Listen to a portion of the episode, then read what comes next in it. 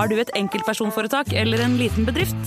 Da er du sikkert lei av å høre meg snakke om hvor enkelt det er med kvitteringer og bilag i fiken, så vi eh, gir oss her, vi. Fordi vi liker enkelt. Fiken superenkelt regnskap. Velkommen til Ukraina-podden her i Nettavisen. Jeg heter Tormod Malvinsæter og er journalist der, og med meg i studio i dag så har jeg Jørnsen Herresen. Jeg er Ukraina-skribent i Nettavisen og leder av Norsk ukrainsk venneforening. Og i dag starter vi som vanlig med å gå en tur innom fronten i Ukraina. Og hva er det som har skjedd der de siste dagene, Jørn? Det er ingen store dramatiske endringer siden sist. Russerne har hatt en del fremgang, eh, eh, særlig nord for Avdivka. Der eh, eh begynner de å nærme seg å, skape en litt kritisk situasjon på nordsida. De har ikke kutta forsyningslinjen enda, men eh, situasjonen for ukrainerne vil bli stadig verre. Og på denne nordfronten så har Ukraina to ganger gjennomført et motangrep og på en måte tatt tilbake noen områder og dytta russerne tilbake forbi den jernbanelinja som går på, stor, på, på nordsida. Nå er det ting som tyder på at Ukraina prøvde på det i går, men ikke lyktes. Så hvis, hvis russerne får etablert seg nå noen sør-vest for den linja, så, eh, så begynner det å altså, Det kan være begynnelsen på slutten for Ukraina i Avdivka, selv om ingenting er avgjort enda. Og så har vi litt lenger nord, i Horlivka. Der har Ukraina vært inne eh, på en høyde inne på det området som har vært russiskkontrollert siden 2015 og planta et ukrainsk flagg. Ehm, det er andre gangen de er inne der, det, men det er første gangen de er så langt inn på, på området som, som russerne har holdt siden 2015, så det er litt flaut for russerne. Men de var inne der på en ekspedisjon, planta flagget, og russerne har nå vært inne og fjerna det flagget. Så de har ikke etablert seg der. Og så har vi Kherson. Der er det veldig harde kamper. Jeg vet ikke noe konkret om at det er territoriet som skifter side, men russerne har sendt inn en ny VDV, altså en sånn fallskjermjeger. fallskjermjegerstyrke der. Eh, og det er et godt eksempel på at selv om hvis du oppretter en ny avdeling og klistrer et VDV-merke på den, så er det ikke nødvendigvis høy kvalitet. For de har rett og slett blitt knust. og ja, nærmest utsletta, er de rapportene som er kommet. Så, så russerne fortsetter å ha store tap der. Og selv om eh, de har noen nyetablerte avdelinger som de satser mer på enn andre, gir de bedre utstyr og, og bedre navn og sånn, så, så, blir de likevel eh, Har de et hardt møte med virkeligheten når de kommer til fronten.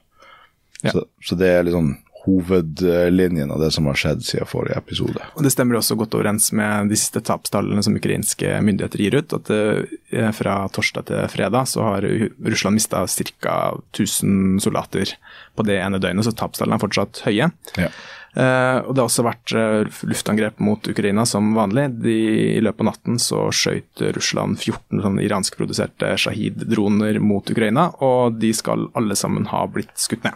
Og natt til i uh, torsdag så var det også et droneangrep mot bl.a. Moskva fylke, som Russland hevder at alle dronene ble skutt ned på. Og Det er vel da det som er verdt å nevne fra fronten. Og nå skal vi videre til gjesten vår i studio, som vi er veldig glad for å ha her. Velkommen til oss, Karen Anna Eggen.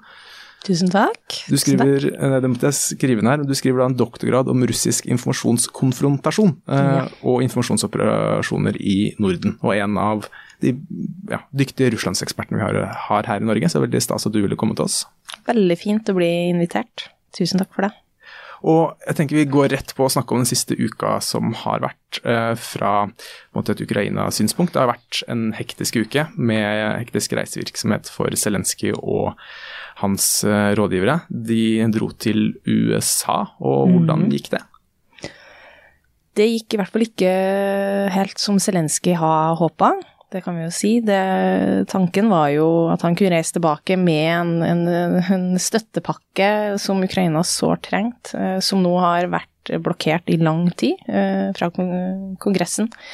Og, så det var nok en Og i tillegg så fikk du jo, ikke sant, den her, og det skrev jo du litt, litt om òg, Jørn, eh, nylig, at Biden i sin tale snakka Har gått fra den vi skal støtte Ukraina så lenge som nødvendig, til vi skal støtte Ukraina så lenge vi kan. Og det er egentlig et ganske stor endring i retorikken, og viser veldig mye om hvor vanskelig det er nå i amerikansk eh, politikk, og hvordan innenrikspolitikken og det her eh, veldig sånn partisanpolitikken i USA nå virkelig står i fare for å, å slå, slå, beina altså under Ukraina og ukrainsk støtte. Amerikansk støtte til Ukraina. Mm. For det er jo helt avgjørende for Ukrainas evne til å motstå den russiske invasjonen? Ja, altså eh, Det kan vi komme tilbake til med etter hvert. Altså Europa har til en viss grad mulighet til å liksom, mobilisere og erstatte mye av den amerikanske støtten, spesielt finansielt. Kanskje litt verre militært. Mm. Eh, og så kan vi jo diskutere om Europa gjør det eller ikke, men, eh, men det som kan Anna si, det er veldig bekymringsfullt, det som skjer i USA. Og det som er interessant, så Biden sa det her, men han sa også for første gang at han ønsker at Ukraina skal vinne krigen. Mm. Og det har vi jo også på en måte etterlyst en del fra Biden. Han har vært tydelig på at uh, Russland kan ikke vinne.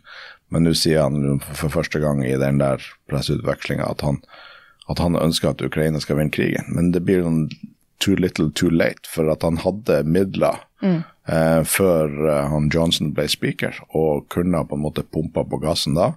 Men USA har på en måte leda denne eh, drypp-drypp-fòringa av Ukraina når det gjelder eh, våpenstøtte, eh, og bidratt til at Ukraina ikke har hatt mer suksess i offensiven enn de har hatt. Og nå når ja, etter Midtøsten og sånn, Biden-administrasjonen har sett lyset og virkelig har lyst til å tømme på, så, så får de ikke det gjennom Kongressen.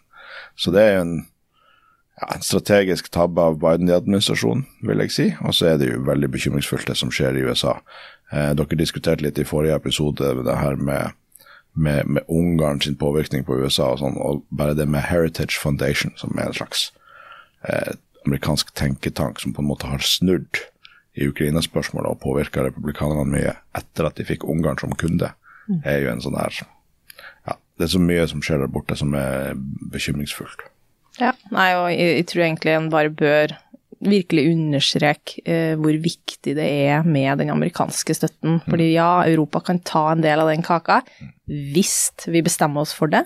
Akkurat nå så er det i hvert fall hvis du tenker på ja, det har vært økning i pengestøtte, ja, det er, det er en god del militærstøtte òg, men, men jeg har vanskeligheter for å se at vi, i hvert fall innen kort, medium, lang sikt, mm. skulle kunne klare å fylle det gapet som USA vil utgjøre, hvis de velger nå, eller hvis pengestøtten og den militære støtten tørker inn. Det er ganske krise for Ukraina, med tanke på hva de da måtte eventuelt kjempe med, som er gammelt uh, sovjetisk utstyr. For å slutte å kjempe, det, det, det, er ingen som tror at de vil gjøre, og det sier de jo sjøl òg at de ikke vil gjøre. Så, så, han Nei, så den besøket til, til USA tror jeg nok uh, etterlot mer bekymring enn nødvendigvis uh, bekreftelse på videre uh, amerikansk støtte. Så er det mye som kan skje, og forhåpentligvis ordner jo det her seg, men, ja. men det er valgkampår uh, i USA i 2024, og, og Fiona Hill har jo nylig publisert en, eller delt et intervju i Politico, hvor hun snakker om at en stor del av Ukraina sitt problem når det kommer både til Europa og til USA, er at Ukraina har blitt gått fra å være mer sånn nasjonal sikkerhet, uh, mer sånn overordna fortelling om hva viktigheten av demokrati og denne kamp, hva denne kampen er, til å bli et innenrikspolitisk spørsmål. Og da er det liksom 'death by a thousand cuts' som hun snakker om, fordi da forsvinner du i mye større grad i det her infightinga, eh, om det er i Kongressen eller om det er i EU-parlamentet eller i Tyskland. Um, og, og, og, du taper da terreng til de her mer sånn eh, nasjonale spørsmålene og mm. pengeprioriteringene. Jeg tror det beste Ukraina kan håpe på i USA, er at uh, utpå nyåret, når primærvalgene kommer i gang, hvis Trump gjør det mye dårligere enn venta, hvis f.eks. Uh, Nikki Haley seiler opp som en presumptive leder for det republikanske partiet, eller noe sånt, så så vil kanskje den fløyen i republikanske partiet miste mye av makta si. Og det er jo den som lever, får se, men er, sånn jeg ser det, så er det den mest sannsynlige gode nyheten de kan få. Mm. Ja. Og det er altså noe vi har lært av USA siden 2016, at vi kan aldri helt forutsi eh, hva som skjer der. Og vi kan Nei. ikke helt regne med Det er umulig å spå da, hva ja. som vil være deres linje om et halvt år. Absolutt. Og Spesielt nå som du var inne på at det er presidentvalgkamp, og mm. Trump ser jo ut til å bli republikanernes eh, kandidat der. Det skal jo mye til for at han ikke vinner det. Så det, det blir spennende å se. Da vil jo antageligvis denne denne Maga-gruppen, som er de som blokkerer støtten til Ukraina, få fullt gjennomslag. Ja. ja. Men så har du jo Ja, nei, ikke sant. Det, det, er veldig mye Her er det Når du får kasta ut han uh, senat... Nei, ikke senatoren, kongressmedlemmet, nå glemte jeg helt hva navnet hans var. Santos. Santos. Santos, ja. Som ble kasta ut. Så er det jo mange som snakker om at kanskje du da får inn en demokratisk representant i Kongressen, da skifter balansen der, som kan gi et uh, utslag.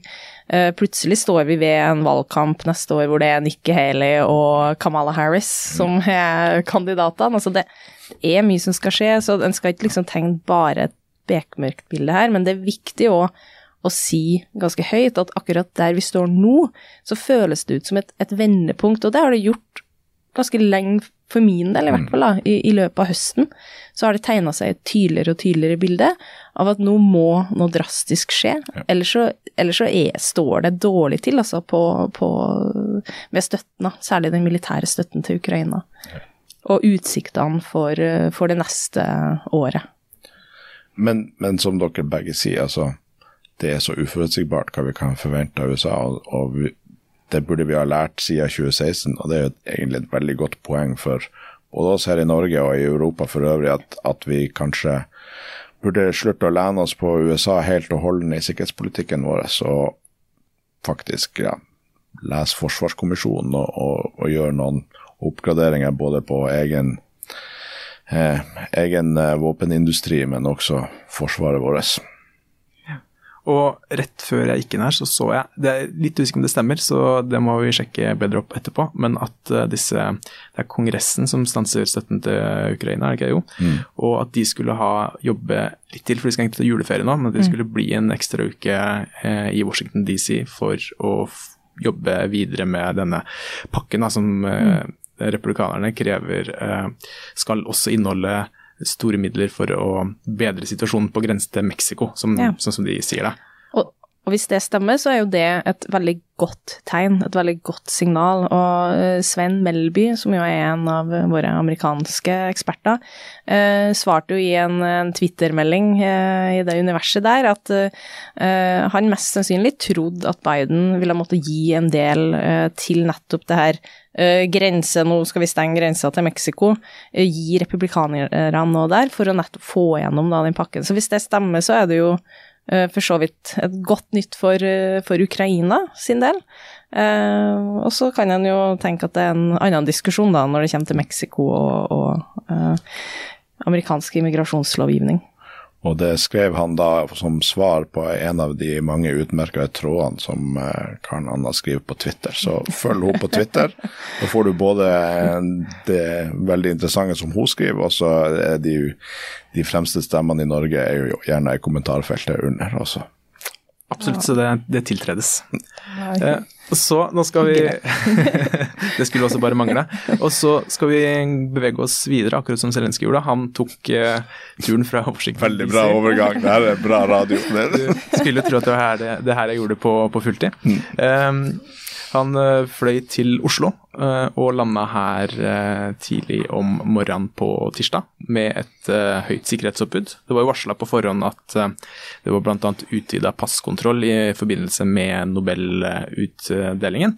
Og det er vel grunn til å anta at det heller gjaldt Zelenskyj og teamet hans som, som, var grunnen til det. Mm. Enormt sikkerhetsoppbud her i Oslo. Og han holder da en pressekonferanse tidlig tirsdag formiddag eh, mm. sammen med Jonas Gahr Støre i statsministerboligen. Og hva er det Zelenskyj Hvordan kan vi tolke det at Zelenskyj kommer hit til Norge? Ja, tolk Altså, den Zelenskyj har jo veldig behov, og det har han jo hatt siden og vært veldig tydelig på siden starten av denne krigen. Eh, behov for å samle støtte, samle Europa bak og Vesten, da, for å bruke det litt ulne uttrykket, men samle vestlig støtte bak Ukrainas kamp for egen selvstendighet, og har jo gitt jeg vet ikke hvor mange ulike taler og besøk han har hatt nå rundt i ulike parlament, men det er ganske mange. Og det, det jeg tror nok det her var jo Passa jo veldig bra for Zelenskyj å ta turen til Oslo, fordi du har det nordiske toppmøtet allerede. Norden er en kjempeviktig partner, eh, alliert til Ukraina. Samla sett, både særlig pengemessig, men også militært, så er eh, de nordiske landene samla sett svært viktig eh, støtte til Ukraina. Så ikke så overraskende, egentlig, at de valgte, valgt å ta, selv om vi ble veldig overraska push-meldinga kom, og fikk sikkert overtenning som ganske mange, mange andre. Det er et historisk besøk. Det kommer på et tidspunkt hvor Ukraina eh, står overfor eh, enorme utfordringer. Uh, og den turen eh, tror jeg nok òg var og, og, et håp om kanskje ytterligere lovnader om både penger og militært støtte, men òg for å sikre den her eh, Eh, hva skal jeg si, da, vis takknemlighet, er det jo noen som òg eh, ble Det var Tor Bukkvold som eh, snakka litt om det på NRK i løpet av morgen, morgen, morgenkvisten, at det er jo òg en måte for Zelenskyj å reise rundt og takke allierte for nettopp da å ha den backingen de har på Ukraina. Ja, og så er det, som Karen Anna sier, altså vi i Norden har jo gitt mye og gir mye og planlegger og, gi mye eh, individuelt, men jeg tror vi også kan Altså, det at han kommer til det her nordiske møtet, jeg har også tenkt på at vi kan kanskje gjøre mer som blokk. Mm. At hvis vi samordner oss mer i utenrikspolitikken Nå er Finland inne i Nato og Sverige er på vei inn. altså Vi har aldri vært mer samla i våre sikkerhetspolitiske interesser og, og, og sånn. Vi kan gjør Nå er ikke Norge med i EU, men, men, i alle fall i Nato og til dels i EU, så kan Norden som blokk kanskje samordne seg mer og utgjøre en større maktfaktor og være med på å dytte hva som skal være europeisk politikk. Det, det, det savner jeg litt. Um, men jeg hadde jeg trodde at det skulle komme mer konkret nytt. Nå kommer det et, et NASAMS-batteri til, det er positivt. Og så er det litt uklart hvor mye av de pengesummene som ble snakka om som er meldt tidligere, og hva som er nytt og sånn. Det kom en ny stor sum fra Danmark som er veldig positiv. Mm. Det er vel 2, hvis jeg husker riktig, jeg leser rett før vi gikk på her, 2,6 milliarder norske kroner som kommer fra Danmark. Mm. Og det eh, blir da totalt så vil da Danmark ha gitt 10 milliarder kroner. Så det er ja. da 26% av all støtten fra Danmark de siste to årene kom denne uka her. Ja. Det sier noe om hvordan de trapper opp støtten. Ja. Og Gahr Støre sier også at vi når rundt 10 milliarder eh, i løpet av året i år. Ja, for Han, sa one, han starta pressekonferansen ja. sin med Zelenskyj og sier at uh, mm. vi gir 1 billion dollar for 2023. var omtrent ja. det, han, det han sa. Som mm. skapte litt forvirring. ja. Jeg trodde at det var en ny, altså at det var nye 10 milliarder før nyttår, og det hadde jo vært virkelig en kjempenyhet, men, men det var jo ikke det, da. Men, men det er jo bra med, bra med penger eh, likevel. Mm. Og så ja, altså, jeg vil fortsatt understreke at regjeringa gjør veldig mye bra, men det er et slags uh, Det er et slags uh, det er en forskjell mellom det som er bra og nice to have for Ukraina, og det som helt akutt akkurat nå bidrar til at de kan vinne krigen. Um, og sånn sett er det nye maritime programmet mm, som ja. Norge gjør sammen med Storbritannia, interessant.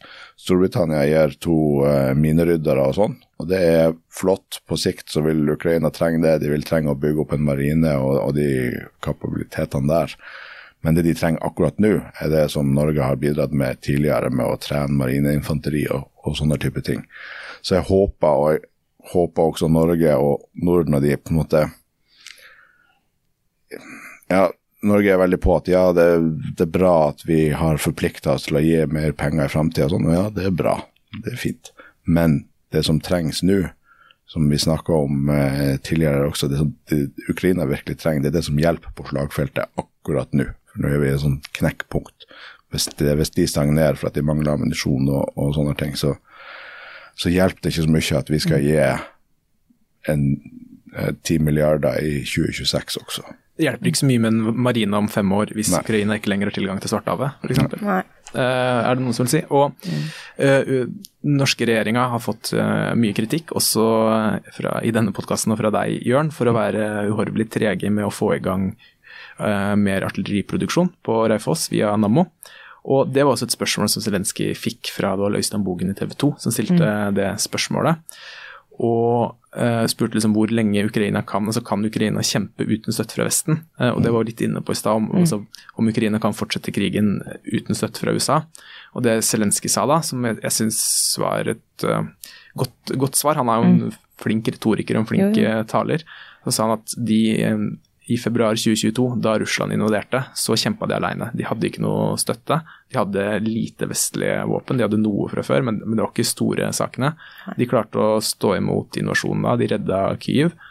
Og hvis de må gjøre det igjen, så er de klare til å gjøre det, men det vil koste veldig mange flere ukrainske liv å gjøre, ja. gjøre den kampen her veldig mye vanskeligere. Ja.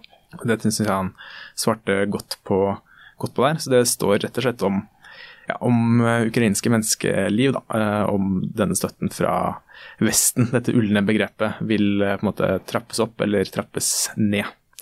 Ja, og hva er vestlig strategi når det kommer til Ukraina? Per nå så vil jeg si at vi i ganske stor grad kjemper på russiske premisser. Vi er avskrekka, og det kan du jo si er en god ting når du har med en atommakt å gjøre, men Samtidig så er det noe med at hver gang en har testa ut de røde strekene som Putin og Russland uh, har satt, forsøkt å sette uh, underveis i krigen, uh, så skjer det på en måte ikke så mye. de skjønner maktas språk. Det, det, høres ut som en flokksel, men, det, men, det er det, men jeg tror en må ta inn over seg òg i hvor stor grad det faktisk stemmer. og jeg tenker litt sånn, det, det spørsmålet om Altså hvis målet er, som òg Biden da nylig har gitt uttrykk for, at Ukraina skal vinne, så må et, et sånn, minste, altså den minste forventninga må i hvert fall være at vi da gir nok til at Ukraina eh, kan gå inn i eventuelle framtidige forhandlinger fra en styrka posisjon. For det, det, er, det vil være helt sentralt for uh, framtida til Ukraina. Hvordan det ser ut på andre sida av denne krigen, når en eventuelt finner ut uh, at en skal sette seg ned ved et forhandlingsbord, eller Russland er uh, slått militært, eller Ukraina er slått militært. Mm. Men poenget er at en må savne en tydelig vestlig strategi for hva vi ønsker med Ukraina. Skal vi gi militær støtte og, og pengestøtte i det uendelige. Det er jo lite trolig at folk At det på en måte er et Det, det er jo ikke et, et særlig godt scenario for verken oss eller for Ukraina. Og skal vi gi nok til Ukraina sjøl si at ok, nå er vi utslitt, vi får ikke til noe mer. Og så får du det her forhandlingsbordet da, med Russland, hvor de vil gå inn i de forhandlingene fra en svekka posisjon, som jo er der vi er i dag, hvis vi tenker at vi bare skal gi akkurat nok til at de klarer å opprettholde en slags form for uh, uh, Status quo. Ja, status quo. Uh, det, ja. Veldig godt poeng. og, jeg mener at det vi driver med nå, det er ikke Vi driver med politikk, vi driver ikke med strategi. Mm. Eh, altså, som du sier, vi tar ikke utgangspunktet at Ukraina må vinne, og så planlegger vi ut ifra det. Det er ikke det som skjer. Bare, altså, som du nevnte, Raufoss-greia. En av de nyhetene som kom i forbindelse med besøket, er at i februar så får vi vite om eh, søknaden på det europeiske fondet til investeringer i forsvarsindustri fra Raufoss går igjennom. Så i februar, to år etter eskaleringa, da får vi vite det. Og Det er et sånt eksempel. Det, det, er politikk. Da er, det, da er målet at eh, regjeringa kan svare godt i spørretimen om hva er det vi gjør vi gjør noe som er bra nok politisk.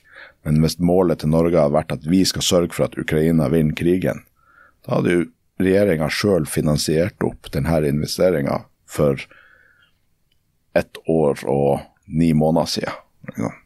Vi tar ikke utgangspunkt i at Ukraina skal vinne og gjøre det som er nødvendig for å få det til å skje.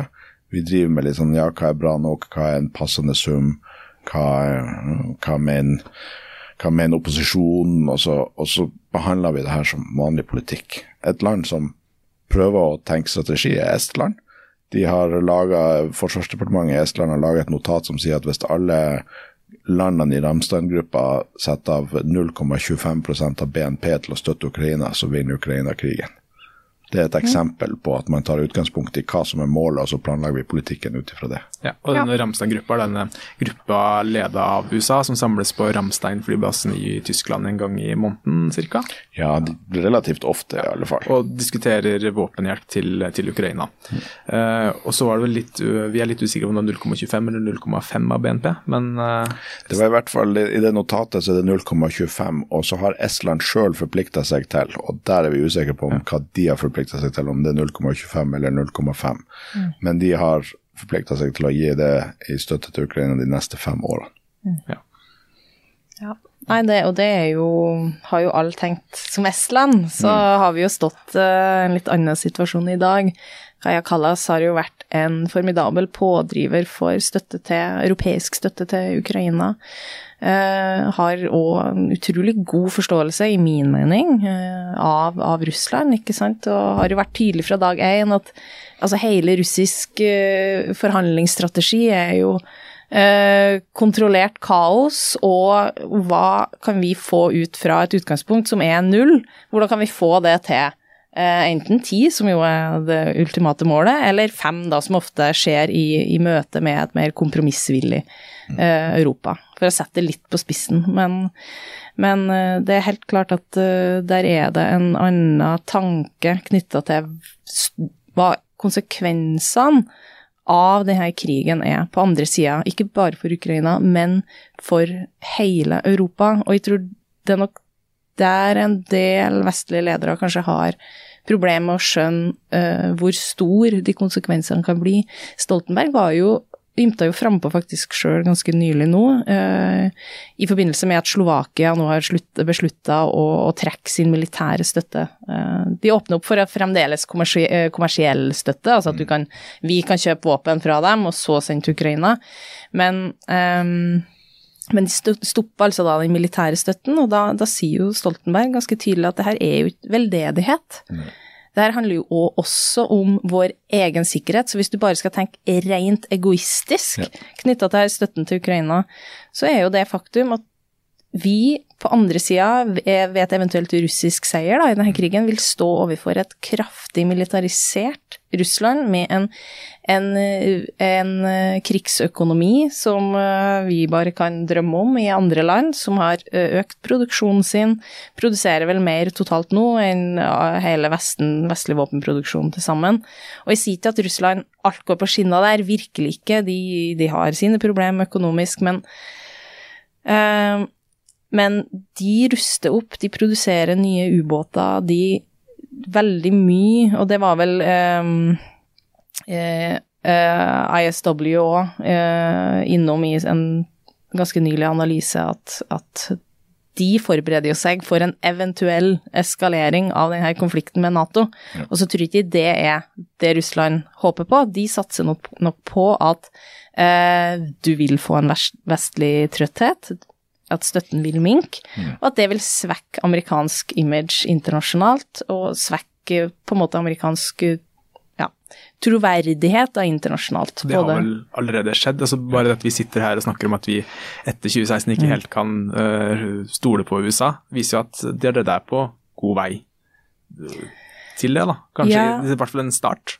Ja, eller, eller altså Jeg tror jo den det vi jo, som ofte blir nevnt, det er jo Vi ble jo sjokkert, ikke sant, når Trump er valgt uh, som statsminister Nei, statsminister. President i USA. Og uh, så viste det jo seg at Trump 1-0 var jo egentlig ikke så verst for, uh, for, europeisk sikkerhet. Det kom jo flere styrker, og det var lite som på en måte tyda, bortsett fra retorisk, da, at han skulle drive og, og, og, og riste litt i grunnvollene i Nato og virkelig kreve at Europa spytte inn mer i kassa sjøl, som jo i etterpåklokskapens navn uh, ikke har vært så dumt å følge de rådene. Så, uh, så for vår del etter 2016 så vil jeg tenke jo at det var ikke sånn kjempekrise, og så har du jo alt det her demokratiske Uh, Altså hvilken retning USA går, på en måte demokratisk, og, og mer sånn Er de en likesinna? Uh, i like stor grad. Det kan en jo diskutere, uh, så klart. Men jeg tror Trump 2.0 uh, og de her store partisan, altså innbyrdes konfliktene vi ser i USA nå, det er stor grunn til bekymring. Og det har vi jo så klart sett tendenser til allerede i lang tid. Men får vi Trump 2.0, da tror jeg vi virkelig kan snakke om et, et, et, et tydelig skifte, da i USA som, eh, som en troverdig eh, støttepartner og alliert for, for oss alle. Ja, og Tidligere i uka så hadde vi Tom Røseth, som du kjenner godt, fra mm. Forsvarets høgskole. Og han mente at eh, et Russland som får en seier i Ukraina, antageligvis vil bevege Så mest sannsynlig målet da vil være Moldova og Georgia. Mm. Eh, at på en måte, de vil da se at måte, de har muligheten til å gå inn der og ta de landene mm. eh, neste gang. Så det og, og, der er det sånn, en sånn feilanalyse som jeg tror mange gjør når de ser på overflata, at eh, ja, men eh, den, nei, den russiske økonomien er jo knekt, og de har mista et par hundre tusen soldater og sånn, så de, det her blir de ikke å gjøre igjen. Og det mener jeg er en feiltolkning. Hvis, hvis Putin nå får beholdt alt de har tatt i Ukraina, så vil han se på det som en seier. Ja, han, han, tar det ikke så tungt. Økonomien kommer tilbake, og folk bryr han seg ikke om.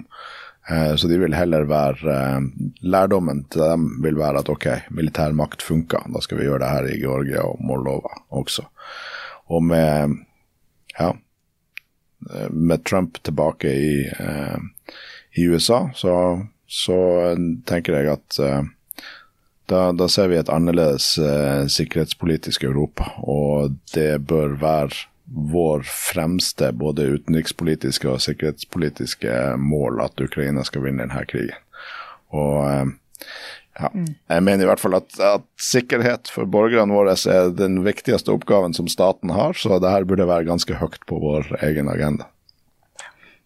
Ja, og for Norges del så er jo Russland er jo vår, en av våre nærmeste naboer, mm. og har tatt noen syvmilssteg i totalitær retning ja. de siste par årene. Det, det, er på en måte eh, Jeg vil si ingen gode nyheter som kommer ut fra uh, egentlig noen, noen, plasser fra Russland, bortsett fra at du kan si du fremdeles har en del uh, ganske modige mennesker som driver undergrunnsarbeid og forsøker på en måte å gjøre det lille de kan, da, sånn opposisjonsmessig, men, men til og med der, altså du har øh, menneskerettighetsforkjempere i Russland som sier, og de har sagt det egentlig siden 2012, ikke sant, at det er verre i Russland nå enn det var under, øh, under sovjetstyret.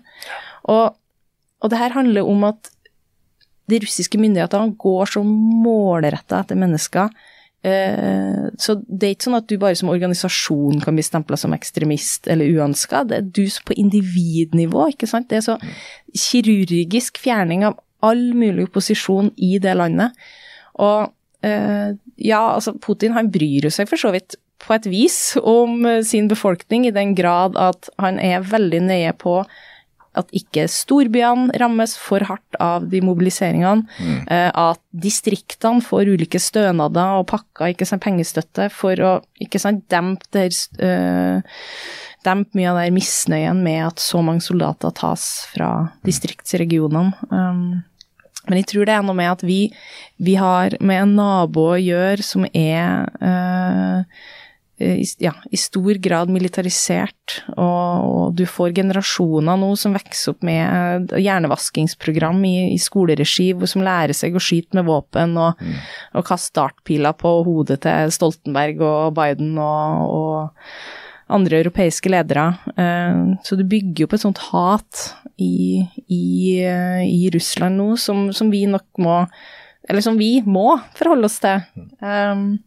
I lang tid framover. Og du kan jo si at eh, når du får den her større graden av konfrontasjon mellom eh, ja, si Nato, da, Nato og Russland, eh, så får jo det betydning bare for våre egne nærområder òg. Vi, vi ser allerede, og vi kommer til å se en mer eh, aggressiv og eh, mye tydeligere Russland, f.eks. i nordområdene. Fordi det blir viktigere også. uh, Du kan si det som du pleier å si, at uh, Svartehavet forflytter seg opp til Barentshavet. Uh, og når Russland føler seg mer trua i, i, Arktis, som de vil gjøre når du får mer Nato-tilstedeværelse der, så vil vi se mye av de samme oppførsler som vi har sett i Svartehavet, og i større grad òg skjer i, i Østersjø, Østersjøen. Hmm.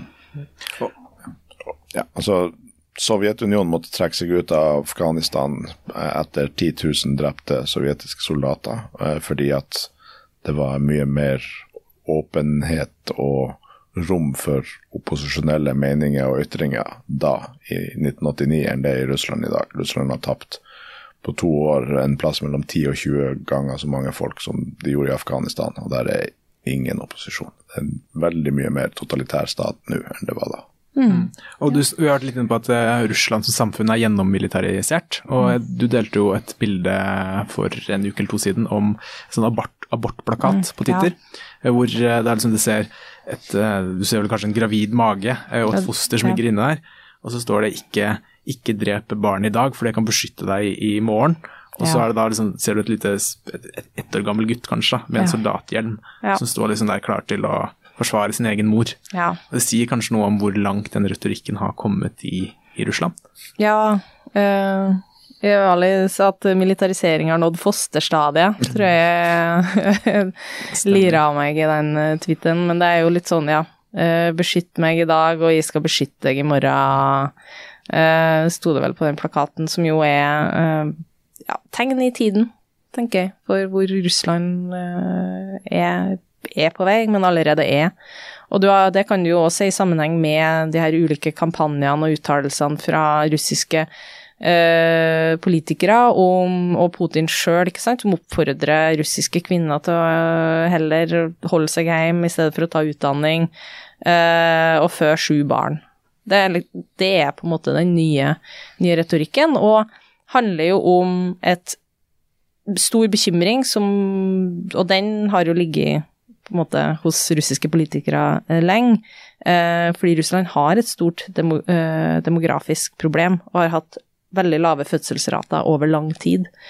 Og nå husker jeg ikke tallene helt i, i forbifarta her, men, men, det er jo snakk om ganske sånn drastiske eh, reduksjoner i, i, eh, i den russiske eh, befolkninga. Det er godt under to, jeg lurer på om det er så vidt over én, uten at jeg skal si det for sikkert. Altså per, ja. per barn per kvinne. Ja, det er, det er voldsomt lavt. Og det, og det er, jo, det er jo i mange vestlige land, så det er jo ikke et problem bare Russland har. Men skal du jo drive en, en fullskala invasjonskrig hvor du er villig til å, å miste, hvis det er 1000, 1000 om dagen, da, jeg vet ikke om det er både drepte og skadede, men, eh, men uansett, det er, mye tyder jo på at det er ganske store tall. Uh, og det betyr jo at du da mister òg mye uh, menn som kan være med i uh, produksjon av barn mm. i Russland, for å si det, ja. si, det, på den måten. Men, men, ja, nei, den plakaten, den var, tenker jeg, et tegn i tiden. Absolutt. Og den demografiske krisen er også, som du har vært inne på, blitt veldig forsterka av krigen. Du har jo disse, la oss si mellom 100 og 300 000 soldater som er drept, eller i hvert fall lemlesta og drept, da, i mm. Ukraina. Eh, så har du da en million eller to som forlot landet under mobiliseringa ja. i fjor. Var det ikke ja. omtrent det, det, antallet der? Og da kan du si at måte, de eh, Og det var da ressurssterke folk. Det her var jo ikke bondesønner fra Sibir som dro. Det her Nei. var jo høyt utdanna eh, folk som på en måte hadde ressursene og mulighetene til å dra ut og ja. antagelig skaffe seg et levebrød i utlandet. Og så var det da tre, ja, noen hundre tusen unge menn som eh, La oss si at de ikke ble drept i Ukraina, men de kom hjem igjen og mangler en arm eller en fot eller eh, mangler noe der, og mm. vil ikke kunne bidra til å utvikle det russiske samfunnet i særlig grad. Så det her er jo også allerede nå en demografisk eh, eh krise for Russland som de mm. vil slite med mange år fremover, vil jeg tro. Ja, absolutt. Uh, nei, som sagt, altså det her var et problem før mm.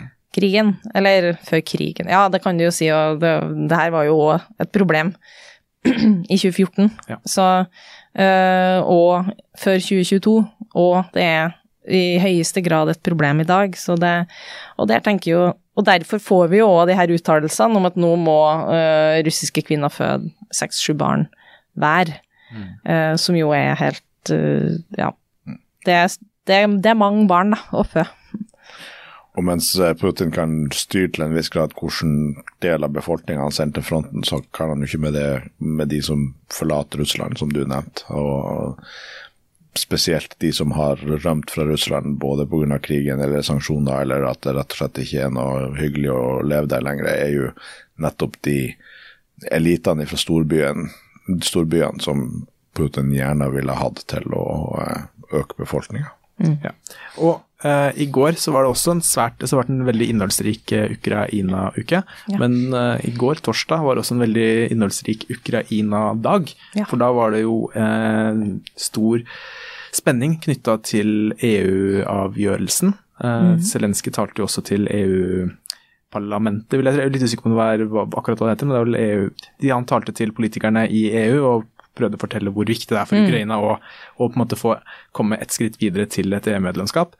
Og Ungarn og Orban var jo den, det, det som var knyttet stor spenning til, da, ja. om uh, de ville slippe Ukraina inn i EU eller ikke. Og ja. de, mange eksperter var ganske tydelige på at de trodde Orban ville sette ned foten og si at det her eh, går ikke. Og da ville Ukraina Det ville vært et hardt eh, skudd for baugen for Ukraina. Mm.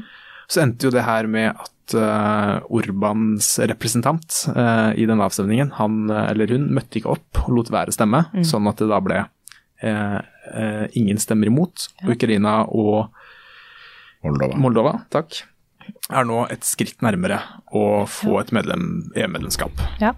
Så det var jo en seier for Ukraina. ja. Absolutt. Og ryktene, eller jeg tror det, det er ganske bekrefta, men skal jo ha det til at det var Olav Scholz som Uh, foreslo at uh, representanten kunne ta seg, en, ta seg, en, luftepause, ja. mens de resterende 26 landene eh, eh, kunne få ja, ta den avgjørelsen, som jo er historisk, helt fantastisk flott, og, og ja, som du sier, det er et skritt videre. Det betyr at det fremdeles er en lang vei å gå, men for Ukraina så er det et tydelig signal på uh, hvor Europa ønsker at Ukraina skal være. Og uh, jeg husker ikke helt hvor det var noen som, uh, som nevnte at det, det, Ukraina er ikke et land vi snakker om som på en måte et, et perifert land i den europeiske randsonen. Det er så tydelig nå at alle ser på Ukraina i, blant europeiske land i hvert fall, som Ukraina som en, en integrert del av det europeiske fellesskapet. Og det her er jo et tydelig signal så i måte. Um, og så, som jeg, som jeg nevnte før vi slo på mikrofon, det har jo vært litt av en berg-og-dal-bane-uke, og intet unntak når det kommer til, til, EU heller, fordi det vi jo hører det, på øret mens jeg er på vei til podkasten her, er jo at Urban, ok, han ga Ukraina den seieren, men velger da å legge ned veto for en, den svære eh, pakken, hjelpepakken til eh, til Ukraina på 577 milliarder norske kroner. Som, eh, som, det vil bli en ny runde på over nyåret. Men det jo er da ikke sant en sånn Det ene er jo dårlige nyheter for Ukraina, så Men vi kan jo holde oss på de gode nyhetene hvis det, Jørn har noen kommentarer der. Ja, hvis vi skal gå på de gode nyhetene, så vil jeg si at, at eh, veldig viktig historisk at de er et steg nærmere EU, men, men, det som gir meg spesiell glede, er Olaf Scholz sin rolle. Ja. Kanskje han er den her, den her lederen vi har venta på. Altså, Boris Johnson kunne vært det, men han måtte gå av. Scholz har dratt beina etter seg i begynnelsen, og det ble skapt et ord som heter scholzing, om eh, sendrektigheten med å gi stridsvogn og sånn. Han sitter fortsatt på de Taurus-missilene som de ikke har gitt, men, men det, det, er stadig flere ting som tyder på at Scholz liksom har bestemt seg, han begynner å bli mhm. tydeligere. Når han begynner å dytte på andre europeiske ledere og si at kanskje du skal bare forlate rommet, sånn at de voksne får gjøre jobben sin. Ja. Det er veldig positive tegn. De, de øker artillerigranatproduksjonen sin til 700 000 i året. Altså, hvis noen kan bidra til å fylle tomrommet etter amerikanerne, både med industriell produksjon og midler, så er det tyskerne. Vi er mm. helt avhengig av at de stepper opp. Så, så um, og så er jo, bare skyte inn veldig kjapt der, altså Tyskland er jo et veldig godt eksempel på eh, et historisk eksempel på at uh, det går an å ikke ha kontroll på hele landområdet ditt, men fremdeles bli integrert i det europeiske fellesskapet og Nato. Det er jo andre verdenskrig og, og, og eh, etterspillet Ja. et godt eksempel på. Så, så jeg er helt enig med deg at Ja. Eh, det at Scholz viser et sånn tydelig lederskap, er veldig gode nyheter. De ga jo en svær og økonomisk hjelpepakke til Ukraina ganske nylig. Jeg husker ikke hvor stor den var, men det var, det var i hvert fall betydelig, betydelig mengde penger.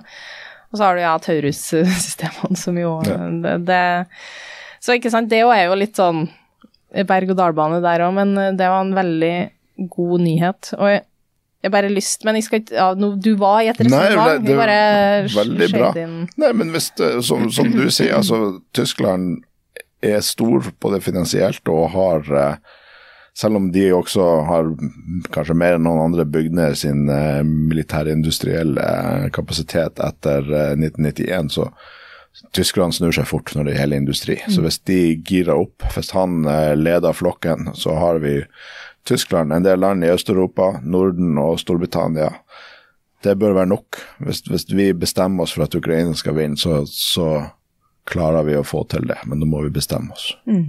Ja.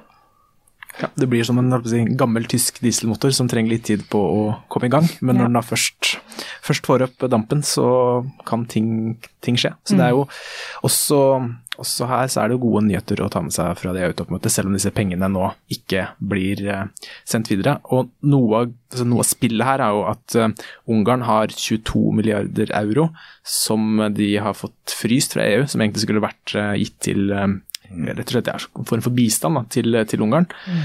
Og EU har fryst disse midlene fordi eh, Ungarn går i en eh, autoru- autokratisk eller antidemokratisk retning. Eh, og noe av spillet her er jo at Ungarn vil ha disse pengene. Eh, og det er da, for å si altså 50 milliarder euro til Ukraina er en enorm sum, men eh, Ungarn venter jo på 22 milliarder, som er liksom omtrent halvparten. Så de har jo, det er, det er noe spillet bak her, da, er at Ungarn vil ha disse pengene. Og så er det, er det ikke noe hemmelighet at Orban er eh, Putins beste venn i Europa. Eh, så hva slags kommunikasjon som er derimellom, er ikke helt godt å si. De hilste på hverandre i Kina tidligere år. De hadde vel den ha- berømte handshaken der. Ja, ja.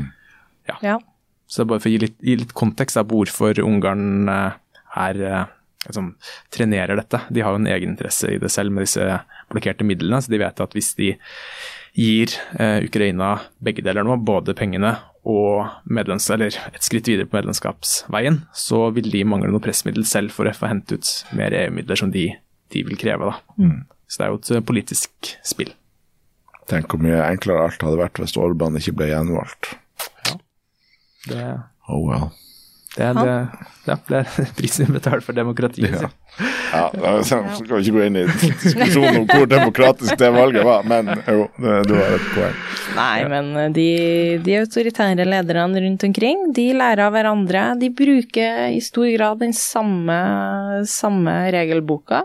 Eh, det ser du òg med hvordan For å gå inn i debatten du ikke ville starte, men i hvordan f.eks. du styrer media da, i et land. Hvordan du sakte, men sikkert, skritt for skritt, tar over sånne sentrale institusjoner i land som er eh, viktig for å opprettholde fri presse, ytringsfrihet, eh, rettferdige demokratiske valg.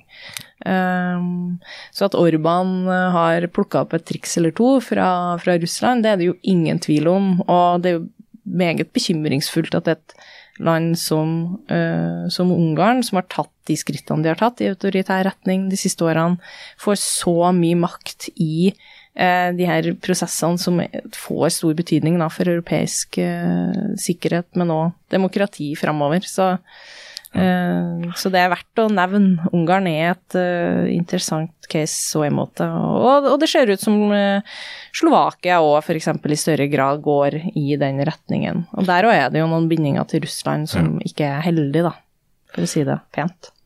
Men, Men ja. men med tanke på det du skriver om og forsker på, og sånt, så er jeg jo veldig altså, Noe som bekymrer meg mye, er jo hvordan russiske informasjonsoperasjoner retta mot alle demokrati i verden, men også her i Norge påvirker eh, samfunnsdebatten og bildet av hva folk mener, eh, og, og ser altså valget i Nederland, altså et land som fikk hvor mange 298 mennesker døde på det flyet. Ja, ikke sant. Malaysiske flyet som fløy fra Nederland til Malaysia i 2014, Mm. og som ble skutt ned av eh, russiske kontrollerte eh, opprørere. Ja.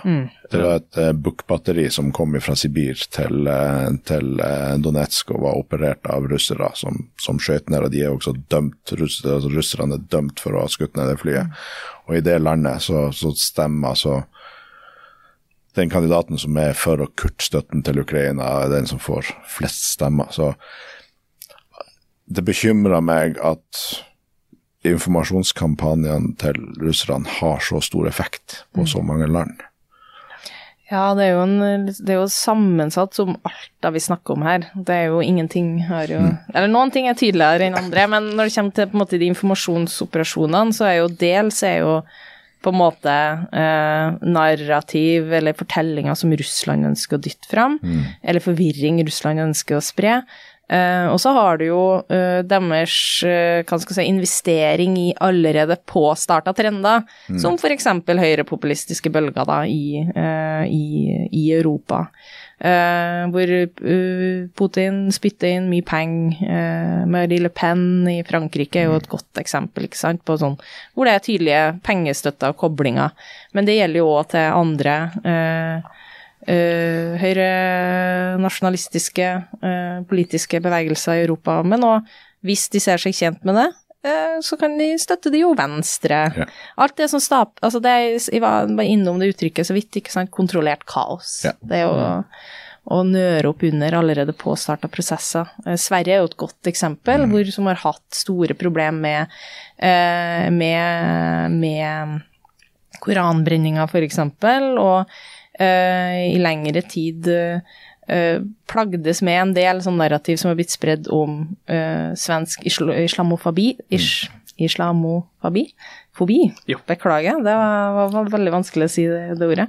Um, og så uh, oppdager det jo hermetegn plutselig flere millioner av eh, eh, sånn desinformasjonsmeldinger i arabisktalende sosiale medier, Facebook, Twitter, eh, proxy, nettsider, mer legitime sider, ikke sant? Det er et, et hvelv av informasjon som spres om hvor eh, islamfiendtlig svenske regjeringa er, at de på en måte oppfordrer nesten altså til eh, koranbrenning, som jo ikke stemmer på noe som helst vis.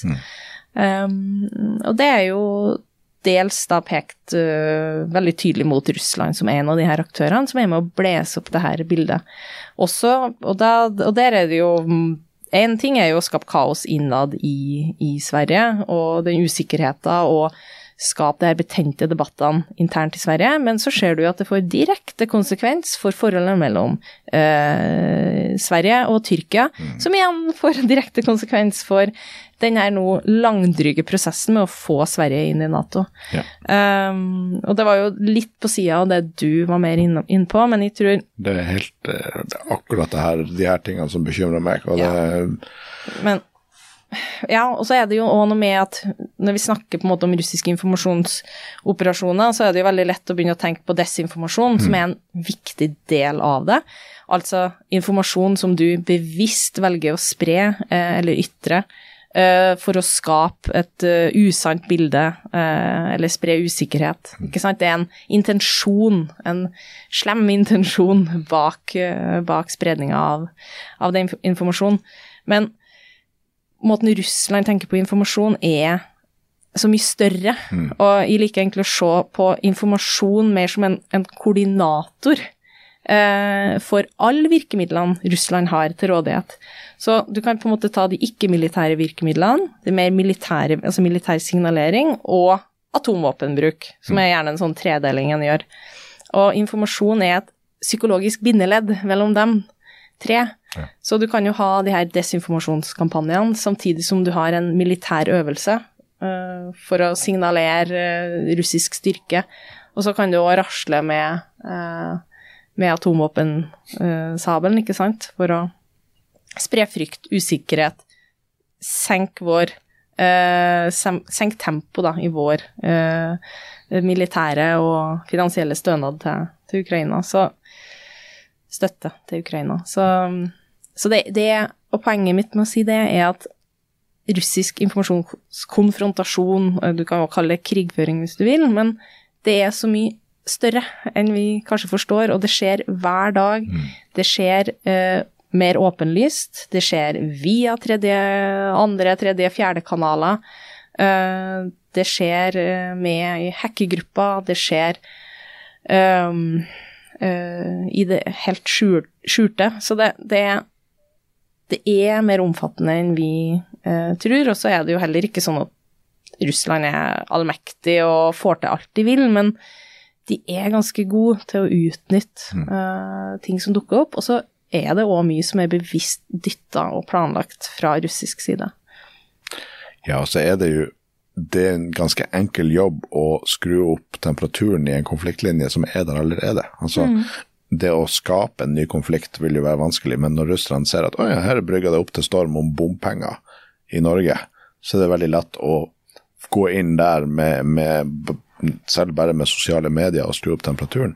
Og det eksempelet ditt fra Sverige, altså det er jo en konfliktlinje som er der allerede. Ja, der er islamofobi i Sverige, og der er folk som vil brenne koraner. Men det at tidspunktet Men, kom men det, et, det er et veldig lite få Altså, det er et fåtall. Det er veldig viktig å få Litt fram som nazismen i Ukraina, på en måte. At det, Ja. det, Ja. det finnes en nazist eller tre i Ukraina. Ja, og, og, og det finnes uh, sikkert enda flere i Russland. Eh, men, men og bare det med koranbrenninga, det viser jo seg at det er Altså, det er jo, det er jo ja, kanskje noen har Folk har, de har tilknytning til Sverige, men det er heller ikke nødvendigvis sånn at det er Nei, svenske borgere som har bodd der i mange, mange år. Og han dansken som dro dit for å Ja. brenne koranen, han var jo, viste seg finansiert av Russland. Eh, og da har man Altså, da er det Ja, det, det kan hende at noen på et eller annet tidspunkt ville ha brent en koran uansett, men det skjedde akkurat da fordi at det passa bra. Men når Tyrkia måtte godkjenne Nato-medlemskap for Sverige, og da ser man at det, noen ting som skjer, er i alle fall en del av en, en, en russisk operasjon. Ja, for den Rasmus Paludan som uh, brente koraner både i Han var brent i hele Skandinavia. Ja. Men søknaden uh, han måtte sende inn for å brenne Koranen i Sverige, ble betalt av en person med tilknytning til Russland. Ja. Så det er liksom den åpenbare russiske bindingen her. Ja. Bare sånn føyen, så var ikke meningen å avbryte. Nei, nei, nei, det var, det var jeg, ha, jeg tenkte egentlig skulle bare si noe ish det samme som deg, bare at du sa det mye bedre. Så det var det passet veldig bra. Bra. Og så, Men ja. og så litt tilbake til Nederland. Det er jo bekymringsfullt for de som er glad i Ukraina å se hva som skjer der, men han Gert Wilders har ikke et rent flertall. Han må Nei. samarbeide for å, for, for å få makt. Og det er også De andre partiene er veldig klare på at støtten til Ukraina må ligge til grunn, slik som jeg skjønner det. Så det, det er ikke noen, altså det er ikke sikkert uh, Nederland vil gå i bresjen som de har gjort tidligere, men at det skal være noen helt uttørking derfra. Sånn som jeg skjønner det, så er det ikke noen åpenbar fare for at det vil skje med en gang. Det stemmer. Det som bekymrer meg, er trenden. Og jeg vil jo si at den eh, 24. februar 2022 så burde feberen knekke hos alle, og alle bare våkne og skjønne hva Russland er, og at det liksom går som en bølge gjennom Europa, at alle skjønner at ok, eh, russerne er ikke de vi har trodd de er, her må vi våkne. Men, men så viste det seg jo at det har ikke skjedd. Vi har faktisk noen, en del valg i Europa gått i feil retning. Unntaket er Polen, der eh, det var et veldig bra resultat. Men, men når noe så åpenbart foregår i Ukraina som, som russisk angrepskrig med eh, målretta angrep mot sivile over to år, og allikevel så, så er de som vil stoppe støtten til Ukraina på fremmarsj ved valg i Europa, det bekymrer meg. Og da tenker jeg vi skal kjapt innom Russland også. Vi må kjapt innom der før du, før du skal videre, Karen Anna. Ja. Og eh, Putin holdt eh, tale slash pressekonferanse i går. Eh, jeg hørte på store deler av den, sånn at andre folk slipper. Det, som Francis i BBC sier. Eh, for det er stort sett ganske kjedelig å høre på Putin når han taler. Og det var det den gangen her også, men så var det noen ting som det kan være greit å plukke med seg. Han starta veldig tidlig i denne seansen. Så snakka han om at de russiske målene for krigen i Ukraina, de holder fast. De skal demilitarisere og denazifisere. Og Ukraina må være et nøytralt land. Eh, Det har ikke endra seg. Og de vil fortsette krigen til alle målene er oppnådd. Så Ja. får man tolke det dit man eh, vil. Og så er det også fryktelig mye tørrprating. altså det, De snakker om eggpriser, eh, og de snakka om altså de holdt på i nesten fire timer. Uh, anbefaler ingen å se henne der, for det, det gir deg absolutt ingenting. Men det var noen interessante sekvenser. Du nevnte bl.a. at Putin ble illsint under en uh, AI eh, Altså, det har vært flere spekulasjoner, også i Nettavisen, om at uh, Putin har en dobbeltgjenger, eller flere. Og så var det da en seanse hvor det var Har du lyst til å fortelle litt om Ja. eh, hvordan det var? Ja, altså jeg må jo bare som et forbehold at jeg, jeg har ikke eh, fått sett hele talen. Så det, det må jeg bare si sånn innledningsvis. Men jeg så et klipp, eh, og illsint var kanskje litt Det er en tabloidjournalist. dette. det- Jeg ser for meg overskrifta. Eh, nei, men, uh, men poenget var vel egentlig at uh, i, han ble eh, Det virka som han ble ganske overraska. og det her er jo veldig regissert, de her presse, pressekonferansen her, det årlige. Men han ble plutselig spurt Ok, ja, det er jo spørsmål om eh, din dobbeltgjenger her. Eh, og vi har jo fått et, eh, et spørsmål fra en av dine dobbeltgjengere, og så dukker det opp en skjerm med en da AI-generert Putin, eh, og det er en student en eller annen plass i St. Petersburg som da stiller spørsmål. Og eh, poenget mitt var egentlig at det så ut som Putin ble sånn oppriktig litt satt ut og veldig irritert, og var veldig tydelig på at det er kun én person som har lov til å bruke den stemmen der. Uh, og så prøvde han å gjøre en liten vits etterpå med at uh, ja, ja, det er min første og eneste dobbeltgjenger, ikke sant, men uh, ja. Så det var, det var egentlig bare et Det var veldig tydelig at det er kun en offisiell Putin, i hvert fall, som har lov til å, å prate og bruke stemmen sin. Men, men jeg tror jo den, litt som du nevnte innledningsvis her, den Tolk det hvordan en vil med demilitarisering og denazifisering, men jeg mener jo beskjeden, beskjeden og uh, budskapet er jo kjempetydelig, og det har det jo egentlig vært hele tida. Uh, de russiske målsettingene uh, med Ukraina består, og jeg tror det er, det er litt sånn viktig Altså, i fjor så utsatte den jo, og avlyste vel også egentlig denne pressekonferansen. Riktig. Og da sto jo Russland i en litt mer usikker posisjon. Og det at han heller uh, i år tenker jo òg måten hans Altså framtoning, og så skal han jo ikke gå helt inn i kremlologien her og bli helt sånn følge enhver minste håndbevegelse, men, men det sier mye om den sjøltilliten og som Putin nå har, og den trua på at Russland skal gå seirende ut fra det her på et eller annet vis. Um, ja, og det, det får jo store konsekvenser hvis det er tilfellet, og jeg tenker jo litt sånn uh, ja, hva er russiske mål, og hva vil han godkjenne som en seier, men får du jo f.eks. fryst uh, altså forhandlingene Eller ikke frys forhandlingene, men får du en situasjon hvor forhandlingene det blir forhandlinger, Ukraina er i en svekka posisjon, eh, må si fra seg territorium, eh, så er det jo for så vidt vel og bra at vi har starta samtaler om EU-medlemskap, eh, at Nato-medlemskap òg ligger på trappene på et eller annet tidspunkt, men problemet er at vi vet jo når. Når, når på en måte skal det skje? Eh, Og da var jeg litt innom det historiske eksempelet med Tyskland, som ikke, ikke helt uh, fikk fullført. Men altså, Vest-Tyskland ble jo en del av Nato, uh, når Øst-Tyskland fremdeles var en del av sovjetblokka. Så det går jo an. Men akkurat sånn som ting står nå, og det jeg hører fra ulike hold, så er jo på en måte ikke Det er ligger jo ikke en plan om at ok, ja, hvis Ukraina må gi fra seg territorium, så skal vi sørge for at det som er igjen, det skal rett inn i Nato og EU. Jeg kan ikke se at det foreligger en sånn type plan, og da er vi ved en krig som vil vare mye, mye, mye lenger. Og Der er vel litt av problemet at vi har ikke noe god plan, vi bare prøver å komme oss gjennom morgendagen. Og det, over tid så er ikke det en veldig bra måte å lede her på.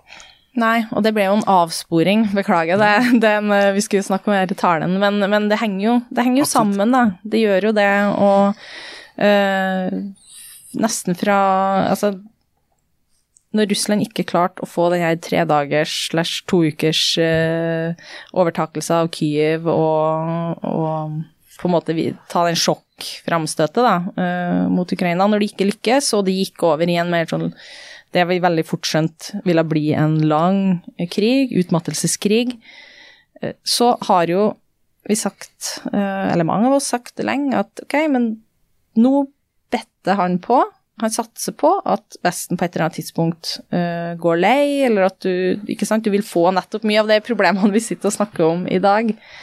Um, og jeg tror den pressekonferansen, sånn en overskrift, er jo at Putin kanskje har fått fornya håp da, om at det vil være tilfellet. Både håp og selvtillit. For det var jo det var jo det var ingen slagen mann som satt der i går. Han var veldig frampå og virka fornøyd med, med situasjonen. Ja.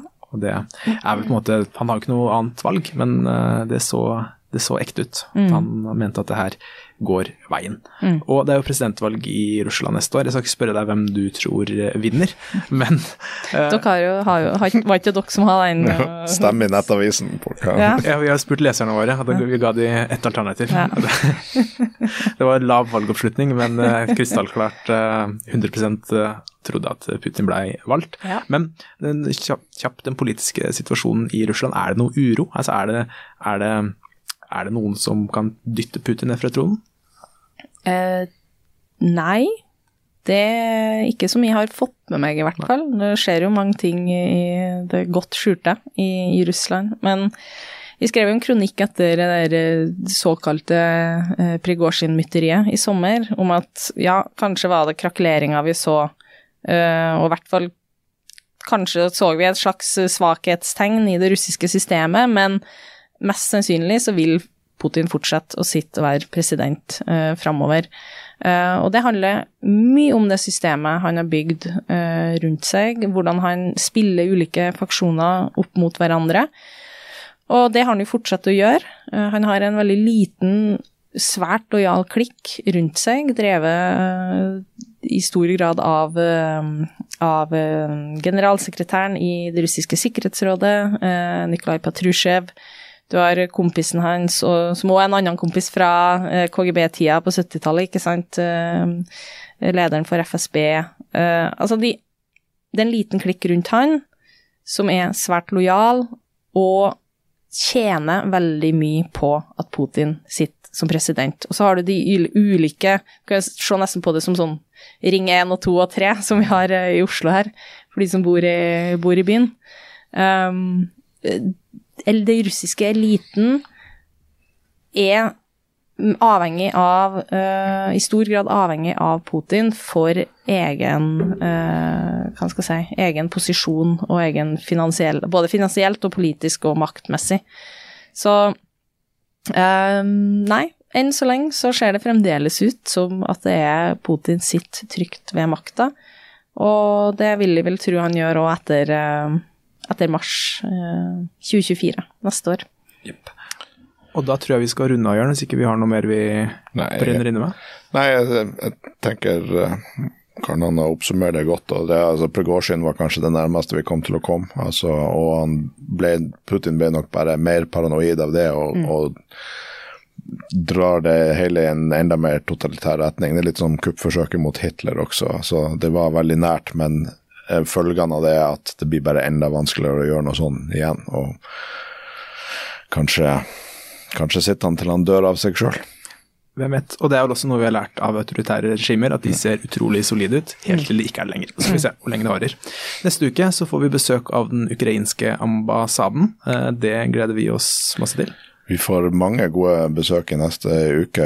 Jette Christensen kommer, så da kan vi snakke enda mer om eh, demokratiet under press. Eh, Forhenværende utenriksminister Ine Eriksen Søreide kommer også, så neste uke blir en eh, bra flokk med gjester i Ukraina-podden. Det blir bra. Og har du lyttespørsmål, send de til ukrainapodden krøllalfa nettavisen.no, så skal vi svare etter beste evne. Det ble ikke noen i dag, men vi skal love å ha mange neste uke. Og da er det bare å si god helg, og tusen takk for at du kom til oss, Karen Anne Eggen. Yes, god helg og god jul. God jul. God jul.